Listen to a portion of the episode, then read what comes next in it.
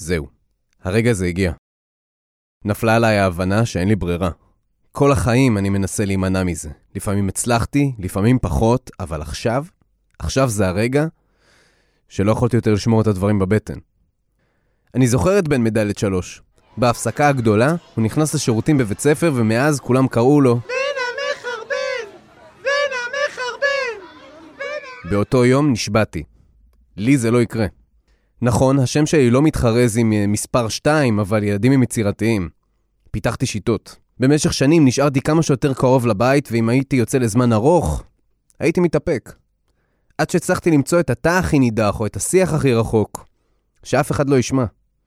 אפילו כמעט התייבשתי כשניסיתי לא לשתות בטיול השנתי וכמעט התעלפתי. רון, אתה בסדר? בצבא כבר הצלחתי להשתין, אבל בואו נגיד שאחרי שבוע שטח, כשהייתי חוזר הביתה, רק אז הצלחתי לשחרר ולשחרר. אבל היום, באמצע שיעור במכללה, הבטן שלי התחילה לעשות קולות מוזרים של... וכשאנשים התחילו להסתכל עליי, הבנתי שאני חייב לצאת. אני חייב לעשות פה, במכללה, בשירותים הציבוריים. הטבע קורא לי. איזה לחץ. מלחיץ, נכון? החיים של כולנו מלאים במצבי לחץ קטנים שמכריחים אותנו להתמודד איתם. פגישה ראשונה עם ההורים של בן או בת הזוג, ביצוע שיחת טלפון גורלית, ואפילו הליכה בסמטה צרה וחשוכה. לא צריך סכנת חיים כדי להרגיש לחץ, והמקרים הקטנים האלו משותפים לכל בני האדם. מבוכה, חרדה, דחיית משימות, כל אלו הן תוצאות של הלחץ הזה, שאם רק נדע להתייחס אליו נכון, נראה שהוא באמת לא כזה מפלצת. מבטיחים, עלינו, לשמוע במקרה חירום, גם אם זה חירומצ'יק, עם רון שמואלי ועופרי מקוב. והפעם, מה עושים כשצריך ללכת לשירותים הציבוריים? מלמלתי משהו כמו אני, אני חייב ללכת ורצתי החוצה. shit, literally shit. איפה השלט של השירותים? אני מסתכל ימינה ואין כלום, שמאלה זה שירותי נשים, איפה? השירותים!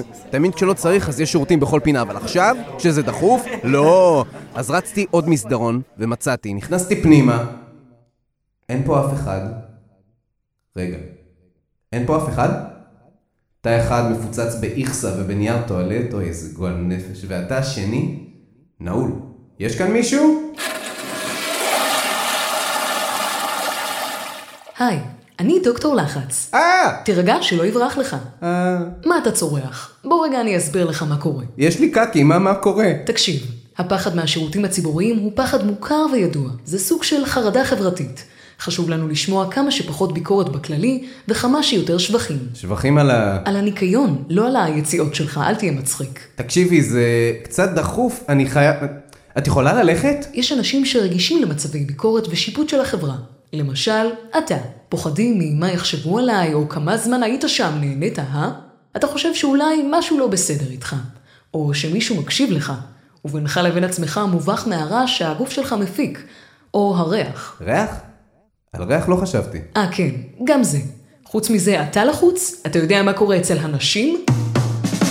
היי, אני אישה, ולהיות אישה זה מלחיץ. עזבו אתכם משכורות נמוכות ופחד מללכת בלילה ברחוב, ובואו נדבר על הדבר האמיתי. אין דבר מלחיץ יותר לאישה משירותים ציבוריים. קודם כל, עצם הכניסה לשירותים היא סוג של walk of shame. תמיד אני מדמיינת שכל מי שראה אותי נכנסת מחשב את הזמן עד שאני יוצאת ואומר, אין, בדוק היא עושה קקי. ותמיד, שנייה לפני שאני פותחת את הדלת, חולפת לי מחשבה בראש, מה אם המנקה יהיה גבר? אני לא יכולה להיות מגעילה כשהוא שם, אני מייצגת מגדר שלם. ותמיד בשירותי נשים יש תור. ולרוב הוא בכלל מורכב מאיזה 100 בנות שבאו ללוות בחורה אחת לפיפי. ועד שהצלחתי כבר להיכנס לאיזה תא ולא בא לי על סלמונלה, אז אני מוצאת את עצמי במשך כמה דקות בסקווט מעל האסלה, במקביל מנסה לתפוס את המכנסיים שלא ייגעו ברצפה שתמיד רטובה משום מה, רק בשביל לגלות שאין בתא הזה פח. נמוך מזה, זה רק להיתקע בלי נייר טואלט. בקיצור, אין דבר יותר מלחיץ לאישה משירותים ציבוריים. אתה מבין? וואי, האמת שלא חשבתי על זה בכלל. אז פשוט תזכור, כולם עושים את זה. ובלי לומר עוד מילה אחת, דוקטור לחץ שטפה את הידיים ויצא החוצה. נשארתי לעמוד שם לבד בשירותים. קצת מבוהל, ואז נזכרתי למה באתי, אז נכנסתי לתא. נראה נקי, יחסית. חשבתי לעצמי שעוד שנייה, כל הדבר הזה מאחוריי. יש שם מישהו? הסתכלתי מתחת לרווח של הדלת כי זה היה קצת מלחיץ ולא ראיתי כלום. אבל רגע, בכלל, למה צריך את הרווח הזה של השירותים? מה, נגמר התקציב לקיר? אי אפשר להגיע עד התקרה? תא אטום, קצת מוזיקת רקע, מפלים. למה אני צריך את הקשר האינטימי הזה עם זרים שעושים את שלהם ממש לידי? אין שם רגליים. זה נראה כאילו אתה ריק. מי זה היה?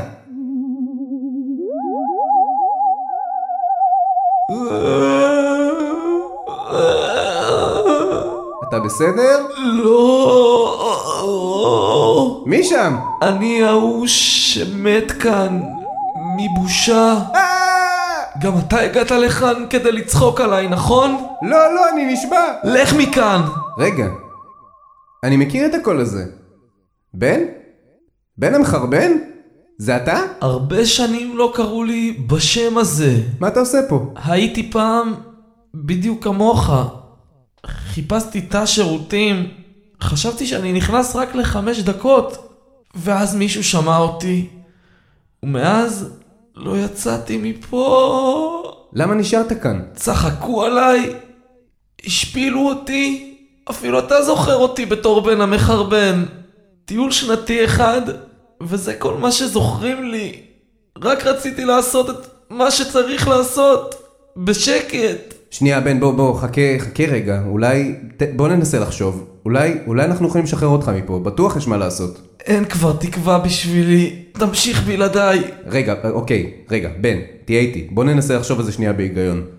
כולם עושים קקי. בן גוריון, מורגן פרימן, אפילו נועה קירל. בנות עושות גם? כן, כן, כבר דיברנו על זה, אבל חכה שנייה. שנייה, רגע. אתה מבין? כולם עושים את זה. תנסה לדמיין מישהו שאתה מכיר ומעריך, ותזכור שגם הוא צריך לשבת על האסלה פעם ב. אין באמת במה להתבייש. אולי אפילו רק לנשום עמוק? אבל מה עם הרעש? והריח? כולם ידעו. רגע, שנייה. בוא, בוא, עוד רגע. שנייה, בוא נחשוב. אם נגיד, תמיד יהיה עליך נייר טואלט וספרי ריח. למקרה חירום. ואז עם הנייר טואלט אפשר גם לרפד את המושב ולזרוק כמה לאסלה כדי לבלום את הנפילה? אולי לא תמיד תצטרך אותם, אבל זה שזה שם נראה לי קצת יקל על הלחץ. ואם זה פיפי? להשתין על הצד של האסלה. ואחרי זה, פשוט לצאת? פשוט לצאת. לשטוף ידיים קודם, כן, ו- ולצאת. אז נראה לי שאני יכול.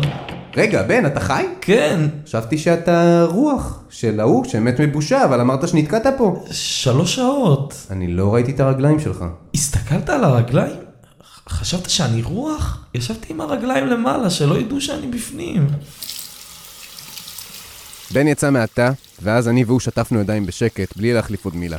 מדי פעם החלפנו מבטים במסדרון בדרך לכיתה, אבל מאז, אף אחד לא קרא לבן יותר בשמות שמתחרזים עם...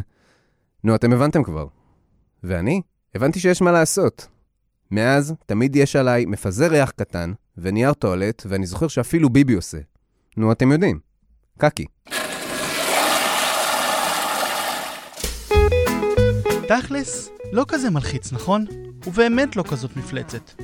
מקווים שנרגעתם ושהצלחנו לעזור. האזנתם והאזנתן ללשמוע במקרה חירום עם רון שמואלי ועופרי מקוב. תודה לעמלי חביב פרגון, קרן אור שץ ומתן קוריאד שהשתתפו בפרק. אם משהו אחר מלחיץ אתכם, יש עוד כמה פרקים. חפשו אותם במקום בו אתם שומעים את ההסכתים שלכם. תודה על ההאזנה, ניפגש בפרק הבא.